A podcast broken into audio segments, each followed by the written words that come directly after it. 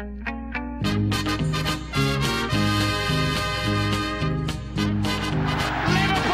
are champions of Europe again. Liverpool are prize winners again. Liverpool is in the record books. Hallå! Och återigen, efter många veckors uppehåll, välkomna till LFC-podden. Eh, podden där vi uteslutande snackar Liverpool och eh, som presenteras och produceras i samarbete med den svenska supporterklubben som ni alltid hittar på lfc.nu. När eh, vi andra har legat lite på latsidan, hållit lite julledigt så är det i vanlig ordning där ni annars hittar er, ehm, er senaste info vad gäller Liverpool med ehm, nyheter och ehm, just nu såklart mycket silly season och lite annat kul. Men idag ska vi såklart försöka ta ikapp mycket av det vi har missat ett par, tre veckor sådär sedan sist. Och förhoppningsvis också snacka upp lite om det som komma skall denna vecka med stormatcher mot både Arsenal och Manchester United att vänta. Så ehm, jag, Robin Bylund, sitter här och ehm, har med mig Robin Fredriksson och Fredrik Eidefors. Hur är det med er grabbar? Mycket bra. Mycket Bra, bra. Efter lite, vi fick uh, hålla lite öppet för uh, din medverkan Fredrik. Vi fick skjuta det lite för att få dig fullt frisk. Ja, man måste ju vara 100% om man ska podda, det känner jag. Ja, nej. Jag har blivit påhoppad några gånger, kommer jag ihåg. Jag satt där så fint på bussen senast tänkte nu ska jag lyssna vad de har att säga om mig dagen efter jag har varit borta och så får man höra skit fast man är sjuk. Så att uh, nu är jag med, på, nu är jag med igen. Du vågar inte sjukanmäla dig Nej, längre? jag vågar inte det längre. Ja, men det är bra. Det kanske ska införas något liknande från eh, Klopps sida. Han, eh, han har ju visst bekymmer med, med sådant också just nu annars. Eh, Och Robin, allt väl i, i och omkring huvudstaden? Ja, det är, det är i alla fall plusgrader igen, så det är skönt. Härligt att höra. Mycket, har det varit mycket snö annars senaste? Ja, det har det. Det har varit riktigt jobbigt senaste veckan. Ja, det är piss. Vi, eh, ja, här nere i Malmö får vi ju sådär i en dag och sen hinner det töa och sen möjligtvis kommer det nästa dag igen och så töar det och sen igen och så töar det. Ja, det. Men det ska vi ju inte snacka mer om eh, nu åtminstone. Um, många matcher sedan sist, säkerligen 5-6 stycken om vi skulle försöka lista upp dem alla. Det har varit um, ligacup semifinal, match 1 av 2 här mot Stoke. Det har varit 3-4 Premier League-matcher och um, nu senast då um, FA Cup-matchen här mot Exeter. Vi um, kommer ju inte riktigt dyka ner i allt det här. Det hade blivit en alldeles för stor sörja. Men eh, har ni någonting, har du något Fredrik från eh, matcherna som har varit som sticker ut, som ändå känns att det är väl värt att nämna innan vi kanske eh, lägger lite mer krut på andra områden istället? Ja, alltså, jag tycker att den här, eh, nu kommer jag knappt ihåg vilka Premier League-matcher som varit, men det har väl varit det där Watford och New, eh, West Ham, Leicester, det var de här matcherna har varit. Mm. Eh, vi har ju varit, jag tyckte Leicester-matchen är värt att ta upp just för att vi möter ett lag som har varit så pass bra, även fast eh, vi höll eh, de två skyttesjungarna eh, ganska tysta under hela matchen så tyckte jag att vi var riktigt bra i den matchen och borde som sagt gjort fler mål.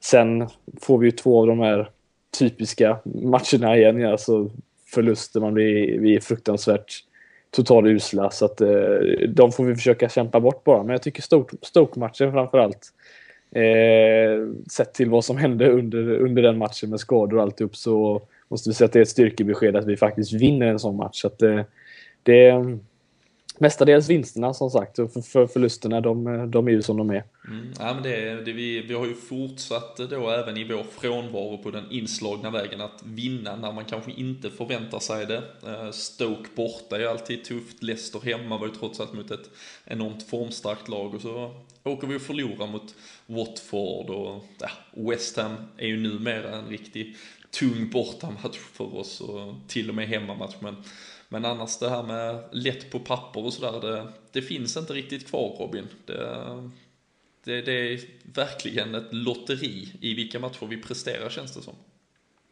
Ja, eh, jag har ingen riktigt bra teori för det, men eh, jag vet inte om det är det här gamla, eh, gamla Klopp-grejen, att han ska ha svårt att föra matchen mot sämre lag eller inte, men... Eh, eh, eller om det är bara en slump hittills. Det är ju ganska få matcher som han har faktiskt eh, varit in charge, om vi ska vara ärliga. Så att, eh, man ska nog vänta lite längre innan man drar några större slutsatser eller stämplar vissa.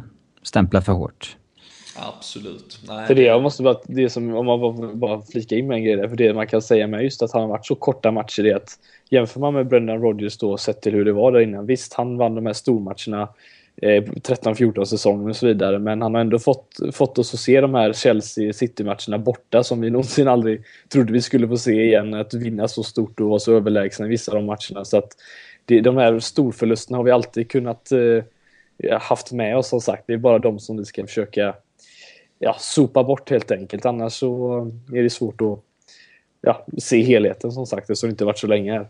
Mm, det blir ju extra spännande nu med då Arsenal och United som väntar i veckan. Eh, man, eh, nej, det är ju fortfarande ett enormt problem att man känner att eh, ja, till och med Watford hemma, om det skulle vara så, känns inte som en säker seger, men samtidigt så har man stora förhoppningar även när vi då möter de på pappret absolut bästa lagen. Så det, det är ett, en svår situation och framförallt nu med den ja, obefintliga kontinuitet som finns. Vi har inte någon riktig stomme att bygga det kring och man har inte riktigt kunnat implementera några direkta idéer utan eh, vi får ju harkla oss fram från eh, match till match, från situation till situation. Så eh, det lär bli en spännande vår. Vi får hoppas att det är ett mer intakt Liverpool framöver och eh, så får vi väl se vart det kan barka till slut här. Men eh, det känns som att det övergripande, det som har tagit plats, det som såklart har varit på allas läppar, det det diskuteras, det är ju den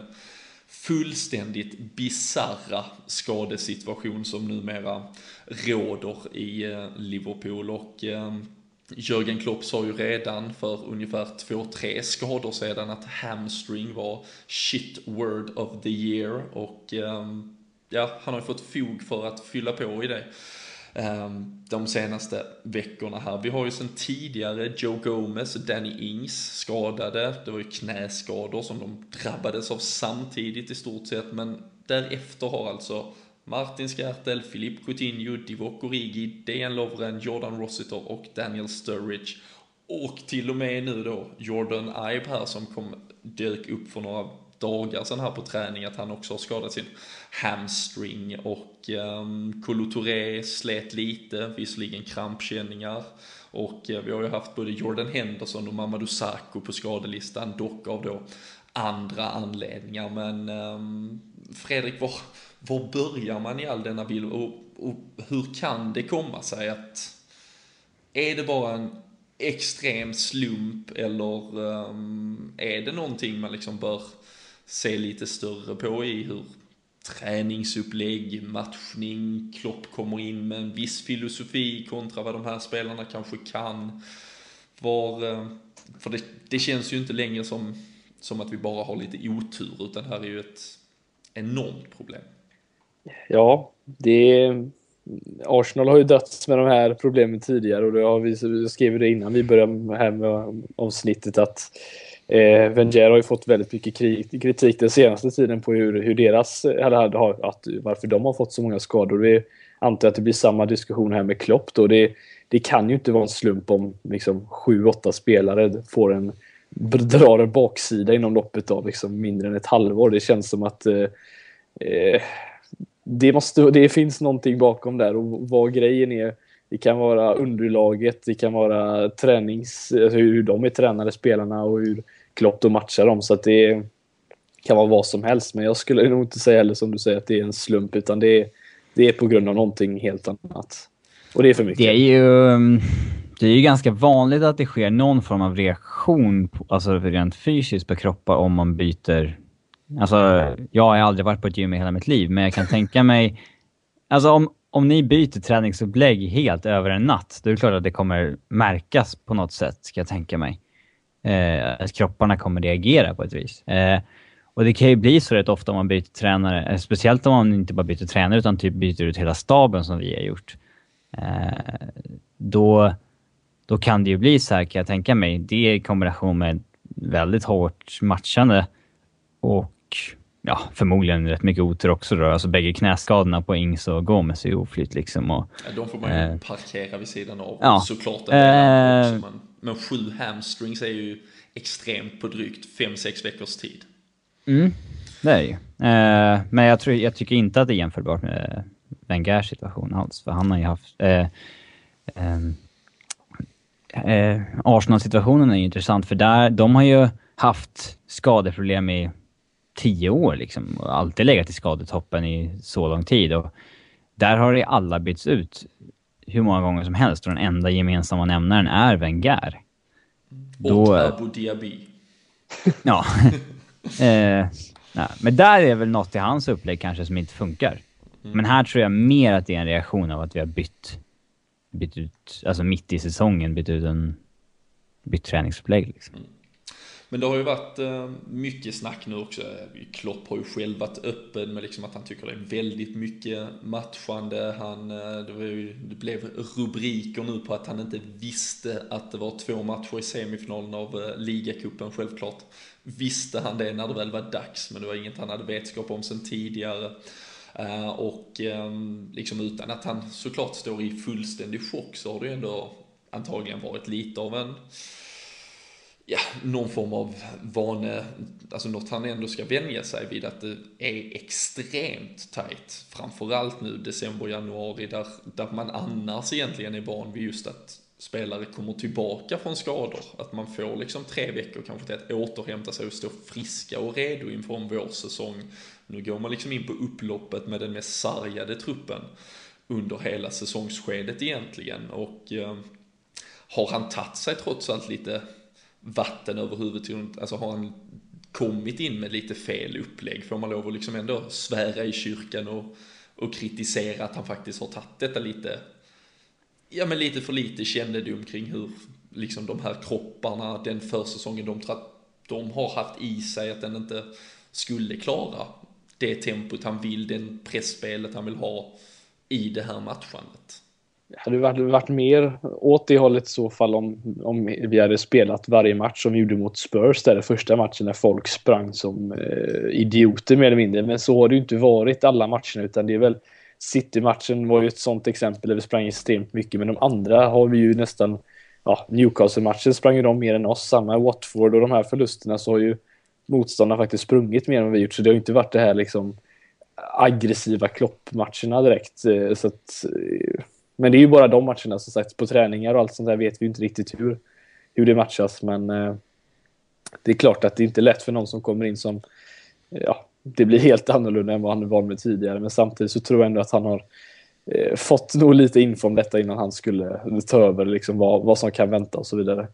Mm.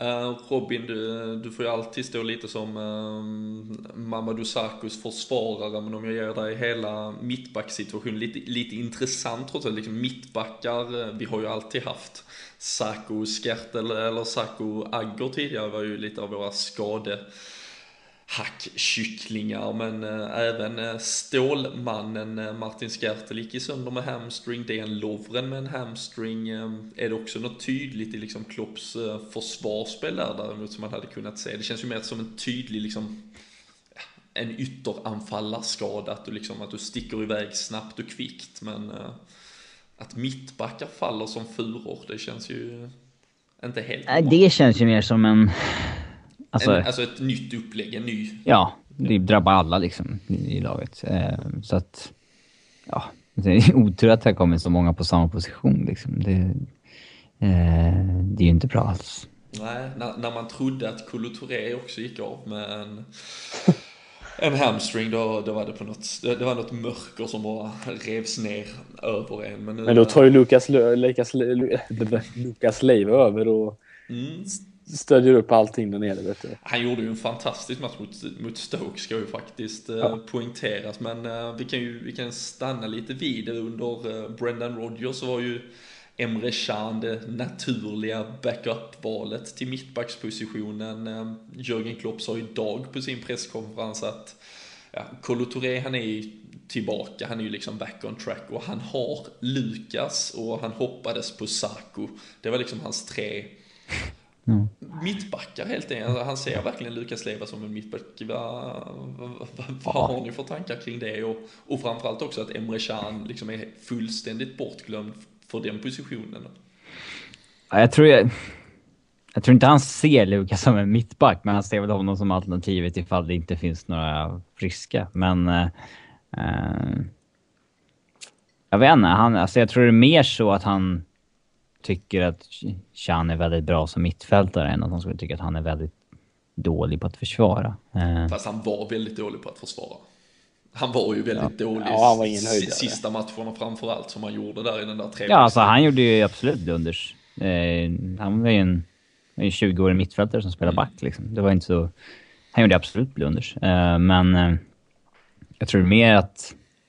Alltså, ska man välja mellan Lucas eller Chan i backlinjen så tar man ju hellre eh, Lucas med tanke på att Chan är rätt given på mitten. Eh, mm.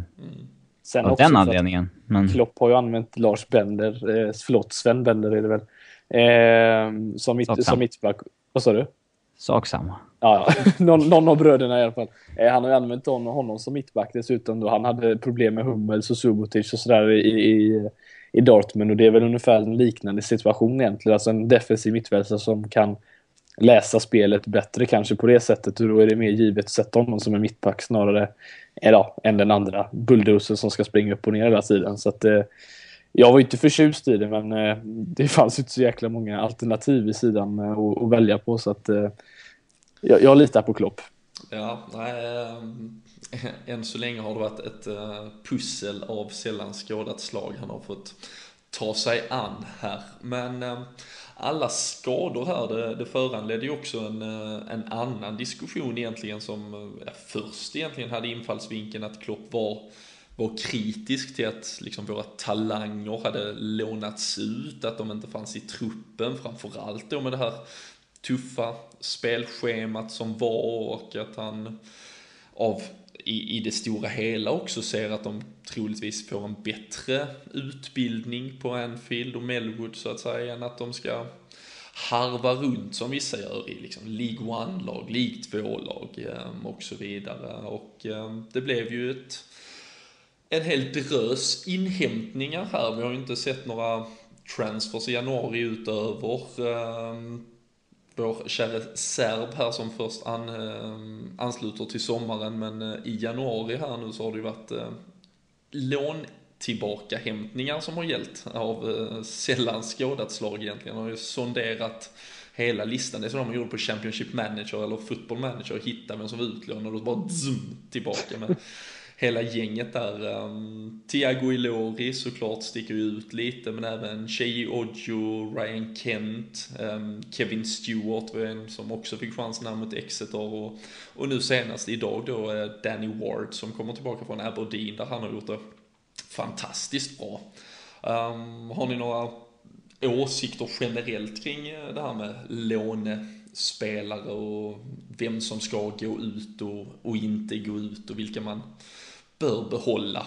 Thiago Ilori var ju en potatis eh, som verkligen var het när vi, när vi tog, tog tag i den redan i augusti, men uh, på det stora hela annars. Alltså jag tycker väl att... Uh, jag, jag, jag, tycker att det är bra att låna ut dem. Jag, jag tror inte att reservlagsnivån är tillräckligt hög för att den ska vara en utvecklande nivå för en... Alltså typ en 22-årig Thiago Ilori, om han han skulle liksom ändå växa ut till en back som ett Champions League-aspirerande lag ska använda. Då tror jag inte att det räcker att spela på den nivån. Eh, om man ska ta det klivet. Eh, där tror jag att både steget från... Alltså om man jämför med Dortmund, steget in i Bundesliga är kortare. För att, ja, den ligan är mer underhållande så, men eh, jag tror ändå att det har varit en den har ju hållit en lägre nivå tidigare och eh, ja, deras reservlagssystem håller väl en mycket högre nivå va? De spelar väl i... Eh, de har ju sitt... Ja, de här Dortmund 2-lagen och sådär som mm. spelar i ligasystemet väl? Eller? Visst gör de det? Ja, de gör väl det. Jag har för mig det passar på den så ber vi att få återkomma. Men, eh, men det kan ju absolut, alltså det har ju ändå blivit väldigt, alltså det är ju en U21-serie nu på ett, på ett väldigt utstuderat sätt annars ändå i Premier League och väldigt unga lag som alltid ställs på banorna och väldigt varierande kvalitet framför allt. Så, eh, så det är ju en poäng på det sättet. Ehm, och eh, skillnaden är väl lite egentligen bara att ett par av de här, alltså 18-19-åringarna som är på väg fram. Alltså vi, vi hade ju ett exempel i Jordan Ibe som gjorde det väldigt bra i Derby där han fick ta sitt sista steg egentligen mot seniorfotboll. Um, och på samma sätt så, så tror jag väl, hade inte de här skadorna kommit, Ryan Kenche, Giorgio är ju spelare som har gjort riktigt, riktigt bra också. Och även kändes riktigt heta uh, i, ja, ordets lite kanske begränsade omfång mot Exeter här, eh, hur, hur bra man nu kunde vara i den matchen. Men problemet är ju med, med spelare som ändå som Danny Ward, som, som Thiago Ilori, som där man känner att antingen så är de ju bra nog för att faktiskt bidra till Liverpool nu, eller så, så, så är de ju antagligen aldrig tillräckligt bra för att, för att bidra. Nej, de menar en ålder där de Mm. Ja, alltså är du 22-23 så ska du gärna ha tagit steget där du bevisar att du, du har något att göra här. Um, och, ja, du går ju in i din prime som 23-åring ungefär liksom. Det är då du ska vara som bäst och hålla den nivån i 3, 4, 5 år framåt. Ja, du ska ju gärna inte behöva liksom ta flera kliv ner för att växla upp på något sätt. Det är väldigt, väldigt svårt att det inträffar. Men, men perfekt för det hade ju varit ungefär om man ser som, eh, som det var för Ilori då som var i Granada och i, Bordeaux där han gjorde bra ifrån sig. Nu har inte sett så mycket från honom där men eh, Markovic samma sak där nu när han är Fenerbahce kommer tillbaka därifrån till exempel och är i situationstecken redo för mm. att faktiskt spela. Alltså den typen av grejer, så som Chelsea gör med sina spelare till Vitesse. Eh, kommer tillbaka och är antingen tillräckligt bra eller så skeppas de iväg för att de inte är det. Så att, ja, Markovic hade, han hade ju varit tillräckligt bra för att göra nytta nu också. Men... Ja, absolut. Eh. Det, det, ska jag inte säga någonting om. Men eh, det är mycket möjligt att, att få spela i en... Eh, liksom verkligen få starta i ett sånt storlag som ändå Fenerbahce och få faktiskt eh, få lite kött på benen där utöver det med tanke på att han ändå spelar en del för ett storlag som Benfica med. Så att, eh, men, men den typen av utlåningar snarare än eh, Rochester eller vad fan man kan heta, Gillingham, liksom vad det kan vara. Det, det känns liksom inte som att det ger på samma sak. Som jag vill inte låta fördomsfull, men det känns inte som de engelska lägre divisionerna håller jättehög, Nej. bra utvecklande nivå. Jag tror Nej. inte de ledarna som finns på den nivån är liksom jätteduktiga heller. Och...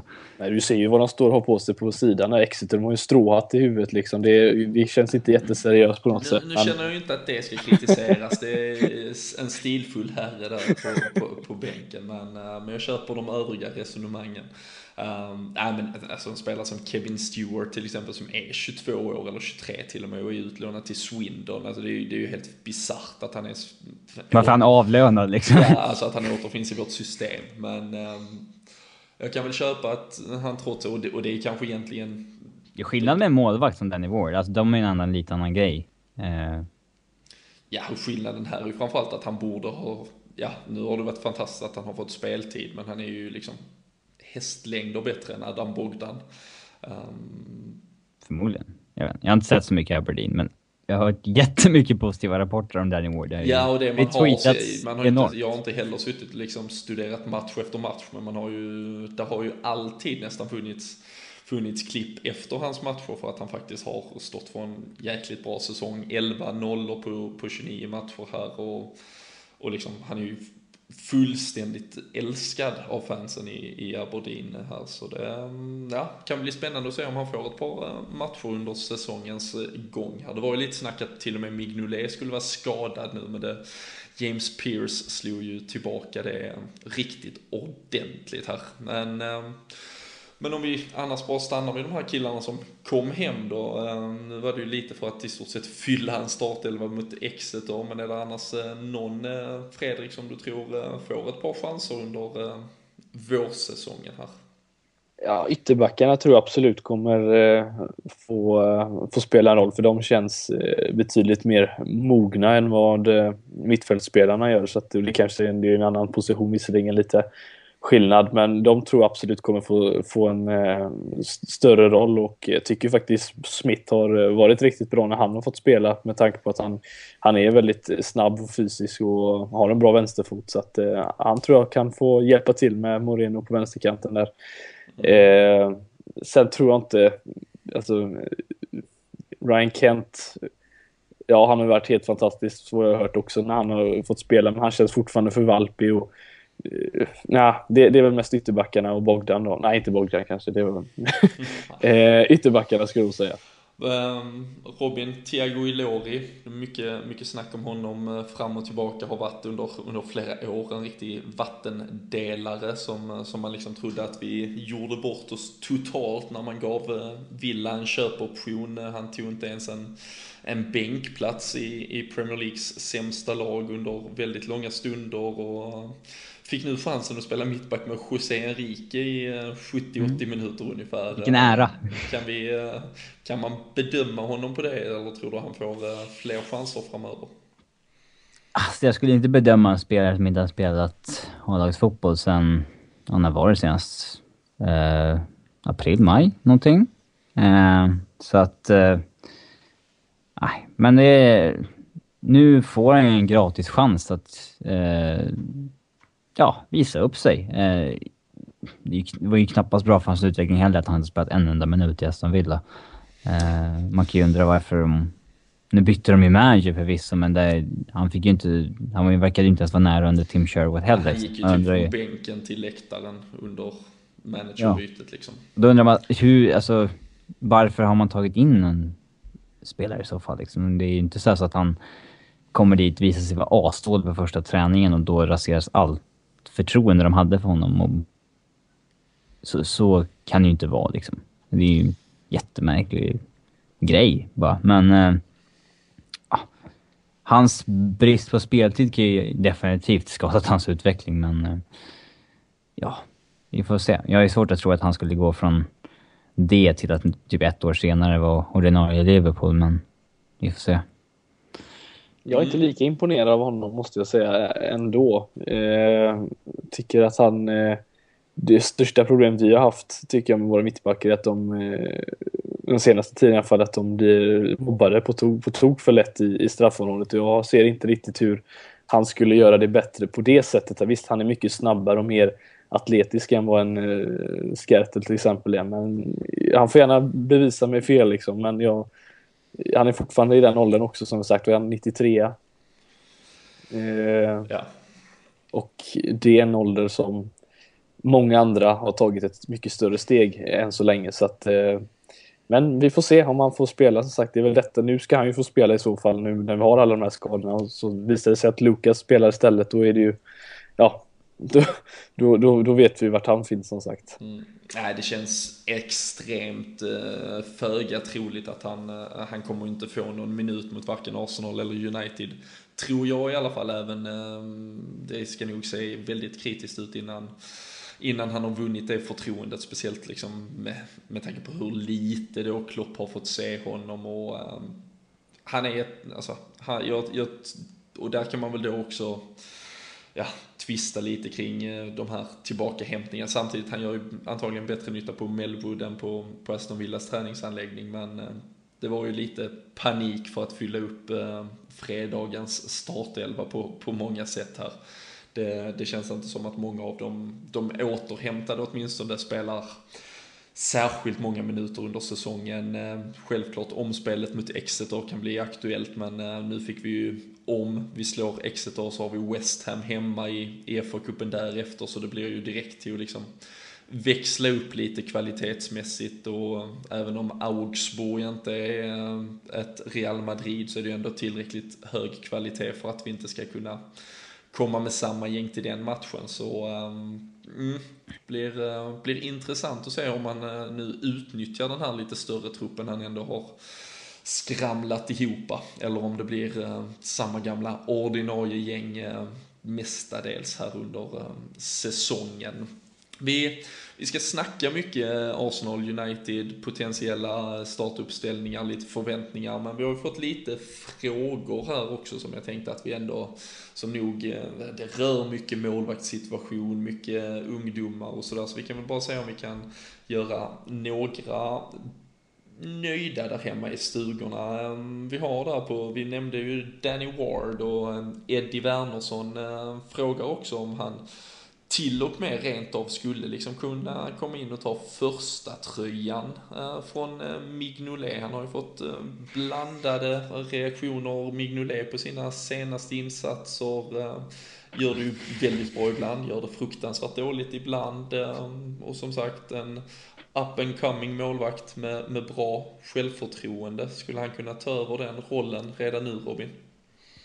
Jag har inte sett Danny Ward tillräckligt för att spika fast det alltså. Det, det kan jag inte göra, men... Eh, så att, nej, alltså jag... Jag har svårt att tro att han skulle vara bättre än Mignolet. Tror ni inte de kommer köpa en målvakt som istället som tar över Mignolet i så fall? Ja, det tror jag nog. Ja, det långsiktiga kommer ju inte vara att Danny Ward blir första keeper liksom. Men, eh, eller ja, kanske väldigt långt fram i tiden, men inte att det är planen redan nu och att vi bygger vidare. Men äh, jag tror också att det ska krävas ett par ganska fatala eh, misstag från Mignolets sida för att Danny Ward ska komma före i hierarkin. Men skulle han kunna ta över Bogdan då? Det mm. tror jag och det tror jag han... Det tror jag är anledningen till att han är tillbaka det, det, det, det finns ja. inte en chans att man hade, alltså som sagt han var ju verkligen om till, Aberdeen är ju fullständigt uh, förbannade på Liverpool kring detta. Uh, och man hade ju inte gjort det för att liksom sätta han på läktaren och, och liksom sen bara, ah vi fan, vi tar hem han. Utan uh, Adam Bogdan kommer nog inte bära en Liverpool-tröja någonsin igen. Det är min spontana gissning i alla fall. Vi får ha en podd om honom någon gång. Ja, och om... Vad oväntat att det blev så här med honom. Om hur Brendan Rodgers tänkte när honom ska vi ha. Men uh, ja, nej, där, uh, där, där finns det. Robert Östnäs uh, tycker att vi ska skicka ner honom till U21. Han har också frågat vad vi gör med Bogda, men det känns fan inte ens som att han petar Ryan Fulton från, från det laget om vi ska vara helt ärliga. Han får men, väl vara det, alltså vi har ju betalat enormt. Jag skulle vilja veta hur mycket pengar vi har lagt på eh, helt odugliga reservmålvakter som Brad Jones, Adam Bogdan, Charles Intanje för honom. Ja, det är ett, det är ett rätt bra gäng. Uh, Donny Jones... var den enda som var ändå så här, han var ju ändå... Vem sa du? Donny. Donny var den enda som hade liksom, han hade i alla fall stått ordinarie i Rom många år. Och, och det året han var i Liverpool, varenda året, vi tänkte nej, vi spelar Pepe Reina i alla cupmatcher också. Mm. Tills eh, han stod, var det den Blackburn-matchen han stod Ja, Blackburn borta och båda fick stå helt plötsligt. Ja, så fick han rött kort och så fick han inte stå matchen efter. Nej, magiskt. Men, eh, nej, men han var ju en sån här typisk andra målvakt som vi har suttit och snackat här. Alltså det minns jag till och med första gången vi typ poddade en sommar för tre år sedan och sa typ ja men in med Shay Given liksom på bänken eller någonting och liksom lite rutin men det är bra att vi skippar honom kan jag tro. Men... jo, men eh, Adam Bogdan hade han väl ännu idag petat känns det som. Ja, men det var helt bisarrt. Han satt ju på bänken i Bolton i Championship. Liksom. Titta vad våra konkurrenter har på bänken. Det är ju Michel Form och liksom killar som har bevisat sig hålla hög Premier League-klass. Christer Svärd kommer ju faktiskt med frågan om Bogdan och Mignolet kan vara det sämsta målvaktsparet någonsin i Premier League. Eh, Inte någonsin ja. i Premier League, men för ett lag som har de ambitionerna så kan jag inte förstå hur man kan icke prioritera, alltså ha mer kunskap över den situationen. För att det är det är så amatörmässigt dåligt, förlåt men det, nu, nu kommer min, nu har jag varit eh, sjuk här så nu har jag fått hålla, hålla inne min ilska här men den, det, det är så liksom oprofessionellt att ha så dåliga målvakter när man har den ambitionen. Och så jämför man med hur stort Liverpool har varit tidigare och allt sånt där och så står man med dem, det, det funkar liksom inte. Det, hade vi inte haft Suarez 13, 14 och Sturridge och allt det där så alltså, vi vet ju hur det såg ut då. Släppte in fyra bollar per match. vi sa ju det här i somras också, att Ja. först och främst skulle det in en etta före Mignolet och i andra hand i alla fall en jävligt bra tvåa.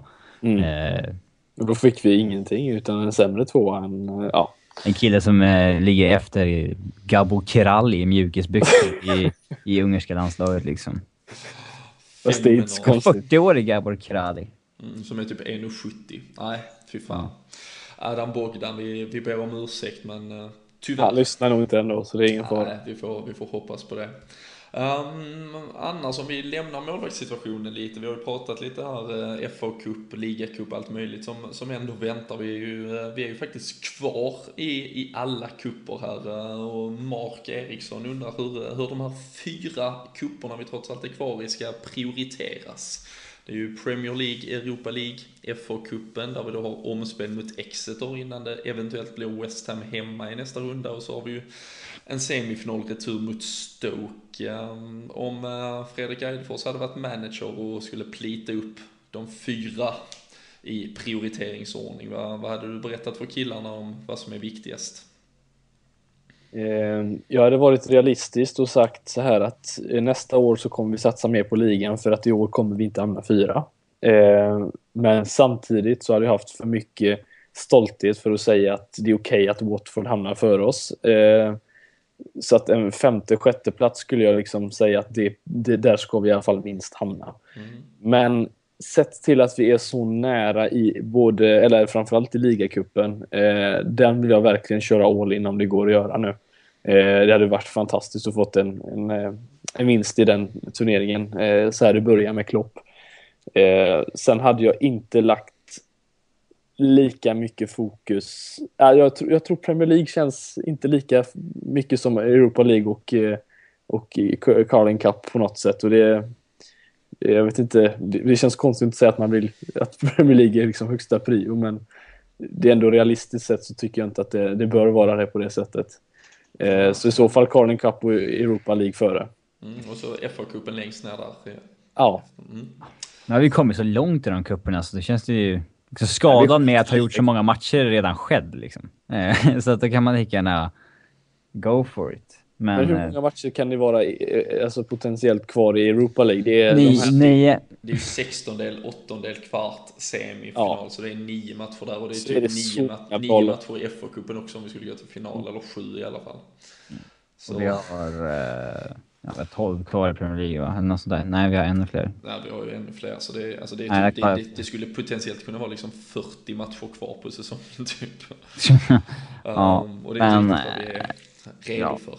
Alltså att vinna Europa League och få en Champions League-plats där, det vore ju stört coolt. Men det är, det är så jäkla lång väg kvar dit. Alltså det är nio matcher liksom där inget får... Och vi Ja. har ju snackat om det förr och vi har alltid, vi har suttit här och tvistat vet jag lite fram och tillbaka. Men jag, jag tycker inte ens, alltså chansen är större att vi skulle komma fyra än att vi vinner Europa Ja, League. Vi, vi har inte den spetsen nu, liksom att... Vi kommer att- falla att på någon av häckarna, liksom. motståndare där. Um, speciellt med, alltså, med, all, ja, med all respekt, men alltså ett lag, Manchester United med flera har liksom kommit in här nu. Vi har väl Porto, vi har Dortmund. Där, där är bra lag.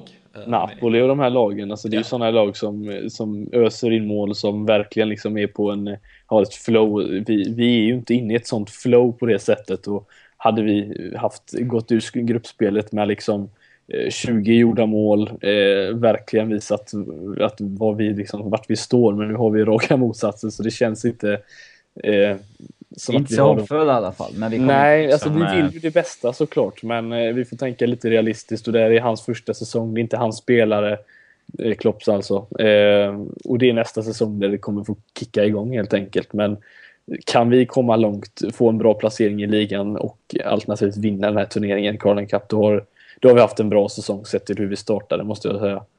Och det känns ju också nu, nu har vi ju Augsburg borta först här och sen, och sen hemma och skulle vi slå Stoke i ligacup semifinalen här så, så kommer ju Augsburg andra matchen där spelas bara tre dagar innan en eventuell då Carling Cup eller Capital One Cup-final och eh, då blir det ju eventuellt att det vilar spelare i Europa League för liksom så har vi inte mer, alltså det är för mycket som ska klaffa för att vi liksom ska avancera särskilt mycket i många kupper här så jag, jag håller med Fredrik att eh, ställa ut bästa möjliga elva två gånger om, försök vinna ligacupen om vi har en möjlighet på det. Sen tycker jag dock att eh, Premier League får vara all in och så får allt annat vara lite lite extra nu för det handlar om heder, det handlar liksom om att vi inte kan, vi kan inte liksom, för potentiellt så skulle vi mycket väl i den här tajta säsongen kunna hamna 10-11 om det inte liksom, om det inte riktigt går som vi vill. Och det, det hade varit för stor skämskudde för det för att ta med sig inför nästa säsong. Och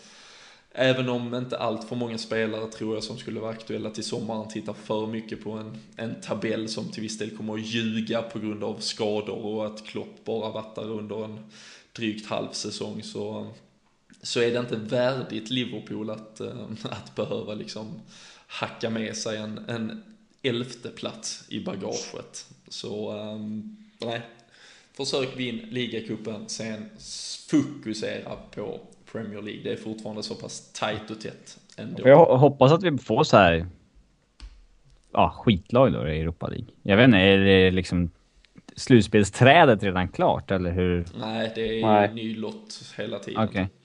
Eh, men det är, alltså så länge vi får pissgäng så är det bara att ta det som det kommer. Det... Ja, och vi ska ju absolut hoppas på det bästa. Men ja. det Inget läge... trams med att vi ska hoppas på att få största matcherna där. Nej. Lättast möjliga motstånd hela vägen. Så typisk Man United-lottning under Sir Alex Ferguson. Och så var vi ändå det enda laget här såklart av, eh, om vi får säga, topplagen som fick eh, Premier League-motstånd i FA-cupen. Det är ju ganska typiskt oss.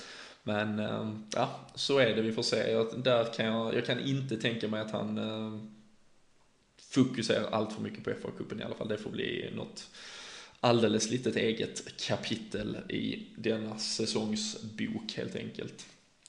Men eh, vi har ju eh, till råga på då skadehelvete och allt annat så har vi en av de tuffaste veckorna på hela säsongen framför oss nu och eh, det är Arsenal som väntar på onsdag och sen så väntar Manchester United på söndag. Såklart lite speciellt med två hemmamatcher här, en, en häftig vecka, en uh, rolig vecka för hela staden såklart med, med två så tunga motståndare på besök. Uh, vi vet att Arsenal, åtminstone om vi börjar där, kommer komma utan Alexis Sanchez på onsdag, vilket får vara ett litet uh, tecken från ovan. Att vi får en liten suck, men uh, det är ju numera annars Mesut Özil som är den stora hjälten i, uh, i ett Arsenal som såklart har siktet inställt på att ta hem Premier League. De har ju en, ja, alla chanser i världen till det egentligen och på så sätt är det ju också kanske matchen mot just Manchester United sen på söndag som är vår viktigaste match. Men eh, hur, eh, hur är känslan inför den här veckan Fredrik med de här matcherna, den här situationen, osäkerheten kring var vi står? Eh, är, du, är du bara nervös och mår pissdåligt eller ska det bli kul med den här typen av matcher? Ja, nu för tiden så med Klopp så känns det, känns det nästan bättre att möta de här storlagen. Det är för att förlorar vi så så är det ju för att det är ett storlag. Eh, och eh, än att liksom åka mot Watford och Newcastle och West Ham, alla de här, det är, det är ju fruktansvärt jobbigt nu för tiden. Så att jag ser fram emot de här riktigt mycket för att fansen kommer vara med. Eh, det kommer vara liksom en bättre stämning så jag tror att eh, det kommer bli riktigt bra matcher. Men United-matchen som sagt, det är ju den som vi måste vinna. Vi kan inte, den, ska, den går inte att förlora. Eh, men sett till hur dåliga United har varit och hur dåliga vi har varit så finns det ju en risk att United faktiskt kan få ett resultat där också. Så, så att det är vidöppet egentligen i alla de matcherna. Men eh, vikt, prio får ju ligga på United såklart. Mm. Vad är din känsla Robin? Kul eller uh, bara för jävligt? Alltså det är ju en... Uh... Ja, blir det två torsk här så då är det ju det är rätt kört för oss resten av säsongen. Så det, det är lite ett vägskäl. Det är ju, ja, det, det, är ju, det är ju liksom gränsfall att vi, alltså då kan vi ju hamna riktigt jävla illa till i tabellen. Um, och på de här liksom elfte, tolfte platsen som man lite, lite tragiskt tyvärr måste tala om. Så, um, så som sagt, det, det, känns som att Premier League-säsongen ändå handlar mycket om att, att rädda heder här och, och rädda ändå de här ett par pinnhål i tabellen som, som ja, åtminstone psykologiskt ger, eh, ger en lite bättre känsla för, för framtiden i alla fall. Och um, vi har ju presterat bra som ni nämner mot eh, topplagen. Eh, vi gjorde ju en fin match mot Arsenal på Emirates. Eh, det var ju en av Brendan Rodgers eh, trots allt eh, ja, finare eh, framträdanden under denna säsongen där vi verkligen spelar en eh, bra aggressiv fotboll och eh, Manchester United däremot får väl symbolisera som det liksom stora förfallet när Liverpool eh, åkte till ett ja, ganska svagt Manchester och liksom bara vek ner sig fullständigt. Så det är ju lite, med lite olika ingångar vi, vi trots allt går in här och såklart då med, med skadehelvetet som, som också omgärdar hela, hela klubben. Ehm, Jordan Henderson sägs dock kunna vara redo enligt eh, Klopps eh, presskonferens idag. Han var lite, eh, han vill såklart inte avslöja för mycket. Även Jordan Ibe som har dragits med lite, han fick lite problem på träning och sen Kolo Touré då tillbaka av allt att döma och så öppnar han dörren för Mamadou Sakho också men det är ganska begränsat utbud av, av spelare annars Fredrik. Har du, har du lyckats ja, fundera någonting kring vad vi, eh, vad vi ska göra av det lilla material vi har. Mm. Eh. Alltså det, det är ju två delar som jag ser vi skulle kunna ställa upp helt enkelt. Och det är ju eh, om man skulle kunna köra en eh, tvåmananfall med eh, till exempel en Firmino och en Benteke just för att få fler spelare i anfall. Alternativt köra Firmino ensam där uppe för att få ett ett rörligare anfall och jag tror att ett rörligare anfall hade skadat Arsenal mer med tanke på att de är ja, stabila defensivt, eh, i alla fall mer än vad vi är. Så att eh, den typen tror jag vi hade dragit nytta av mer kanske. Så att, eh, men samtidigt, Benteke har gjort mål de senaste matcherna. Det är, det är, det är många problem, men det är, ja, vi får se helt enkelt vilket sen, som... Sen lyckades han vara sämst på planen mot Exeter i... Eh, Absolut. Han liksom... Men han, han, är, han, är, han vill bara spela på fint gräs, vet du. Det, det är det det handlar om. Ja, typiskt eh, bortskämd belgare där.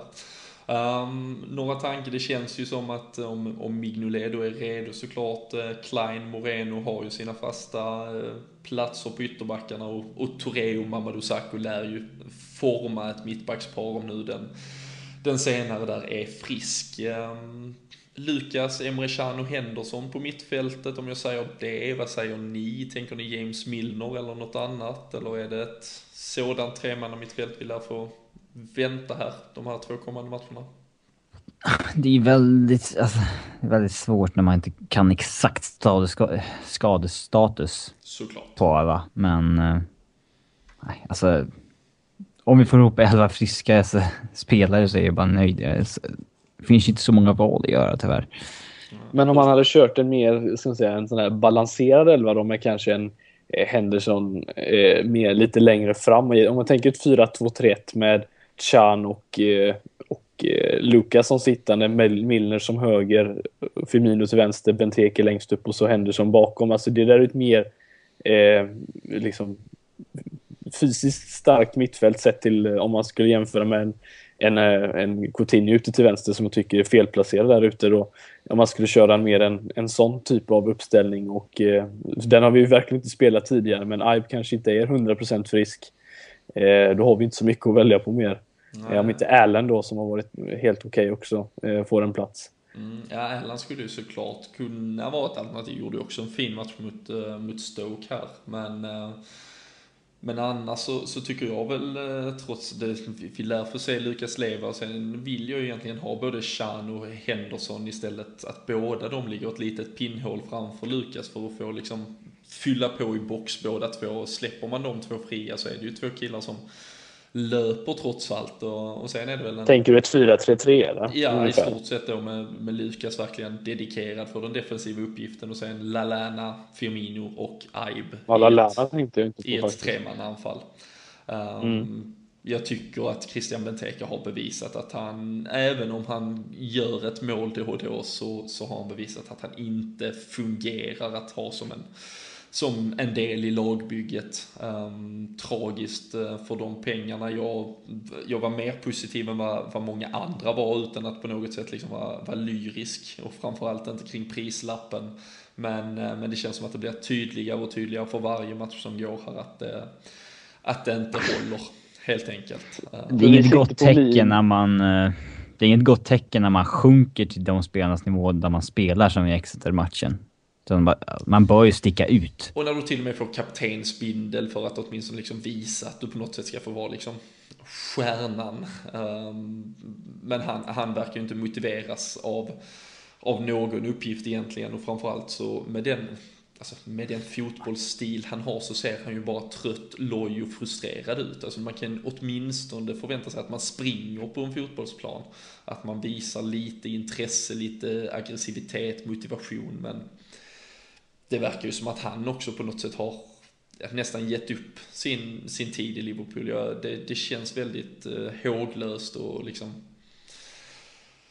ja, uppgivet från, eh, från både hans Han är, han är ett okej okay alternativ att ha omkring. Det var bara, ja, som vi sa i somras, det är trist att betala en summa som man skulle kunna typ Alltså det snackar ju, det där är ju 46 miljoner euro. Ja, liksom. Mario Götze nämns ju för samma prislapp ja, nu alltså, som ett potentiellt förvärv till sommaren till exempel. En grej som jag tycker, liksom just med Benteke, för att det är ju en spelare, vi har ju alla sett honom i Aston Villa och han, där har han gjort en hel del mål. Han var den här eh, monstret där framme som verkligen terroriserade i straffområdet och, och liksom nöt till på, på minsta lilla möjlighet han får. Nu står han ju på hälarna mer eller mindre. Han är ju aldrig på tårna när bollen liksom snabbt dinker ner eh, i straffområdet och han skulle kunna vara där mer eller mindre. Eh, för en grej som jag tycker är vi slår en hel del inlägg nu mer än vad vi gjorde tidigare. Men den där lilla extra att gå på första stolpen här som Giroud gör väldigt bra. Mm. Att verkligen vara först på varje boll. Han, då är inte ens Benteke inne i straffområdet än. Det är just, det är just att han, han nyper liksom aldrig till där tar allra sista liksom, ruschen in i straffområdet för att vinna den här bollen och gör man inte det då finns det ingen möjlighet för honom att kunna lyckas i Liverpool för han kommer inte kunna spela som en Suarez där framme eller Starwich. Han, han kommer inte kunna göra det så att då måste han ju spela på sina styrkor och gör inte det heller så att eh, då, då ser jag ingen, eh, ingen framtid för det heller. Nej, det känns som, eh, ja, det känns som att han mycket väl kan vara på väg bort till eh, sommaren åtminstone. Så eh, vi får, eh, vi får se. Här blir ju kanske då det enda ändå lite skräckinjagande namnet på en bänk som annars lär bli väldigt ungdomlig och orutinerad i de här kommande matcherna. Så där får vi, där får vi se lite. Ska vi, ska vi avrunda med lite tips och, och tankar kring hur de här matcherna slutar då? Ehm, som sagt hemmamatcher mot Arsenal och eh, Manchester United. Ehm, Robin, har du god eller bad feeling kring detta? Eh, jag har nog en bad feeling med tanke på att vi inte står så starka just nu truppmässigt och sådär. Eh, så att nej, en, en förlust och ett kryss kanske. Några resultat på tungan eller du? Nej, jag vet. Vi, sp vi sparar det till Fredrik. 1-2 mot Arsenal. Torsk alltså? Mm. Mm. Men jag tror att vi går och vinner med 3-1 mot United på söndag. Det mest chockerande där är ju att vi gör tre mål. Men, mm, men jag tror det, det är dags nu. Det, det är så underbart. Det är alltid det man har som liksom så här anledning. Liksom ja, men det är liksom så här. Det, det, är bara för att det har varit så dåligt. Så någon gång måste det bara släppa. Det måste bli någon ketchup-effekt någon gång. Och den kommer mot United. Det finns inget bättre om det hade varit så. Nej, så det har du alldeles, alldeles rätt i. Jag satt också med... Kan missa straff också.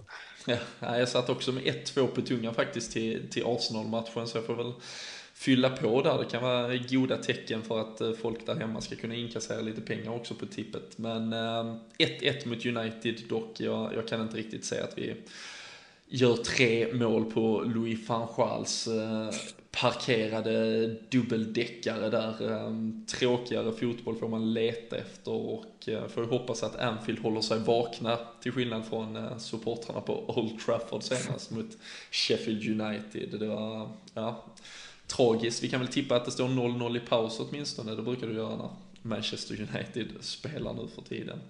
Ehm, till eh, er där hemma så eh, ges det såklart chans att också vara med och, och tippa lite här under veckan. Vi, vi sitter och snackar just nu med Sam Dodds vad som gäller. Det kommer nog bli kanske någon extra tävling, något som dyker upp. Så håll utkik vad det blir. Det är så tätt matchande, men vi ska försöka dunka in något riktigt bra. Förhoppningsvis kanske då inför United-matchen som alltid smäller lite högre. Så eh, håll utkik på Twitter för att vara med och tävla där lite senare.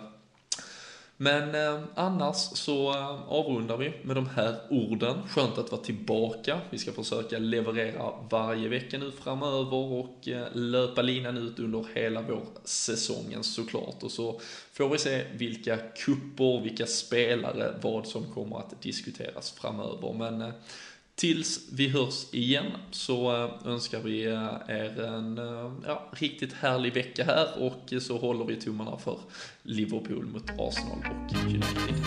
Ha det gött!